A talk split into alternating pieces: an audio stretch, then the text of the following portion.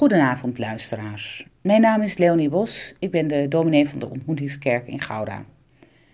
Ter bemoediging in deze onrustige tijden lees ik u elke dag de dagtekst van het NBG en een kort gebed.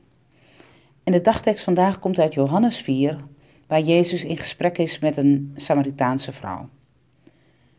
Daar staat: De vrouw zei: Ik weet wel dat de Messias komen zal.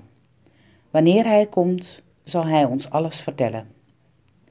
Jezus zei tegen haar: Ik ben het, degene die met u spreekt. Wees bij ons, wees ons een geleide, bij het verdwijnen van de dag. Wij wachten u, begin en einde, in wie ons leven rusten mag. Als boze dromen ons belagen, wij eenzaam vechten met onszelf. Laat niet de nacht dan angst aanjagen, niet een verleden dat ons knelt. U kennen wij als een bevrijder.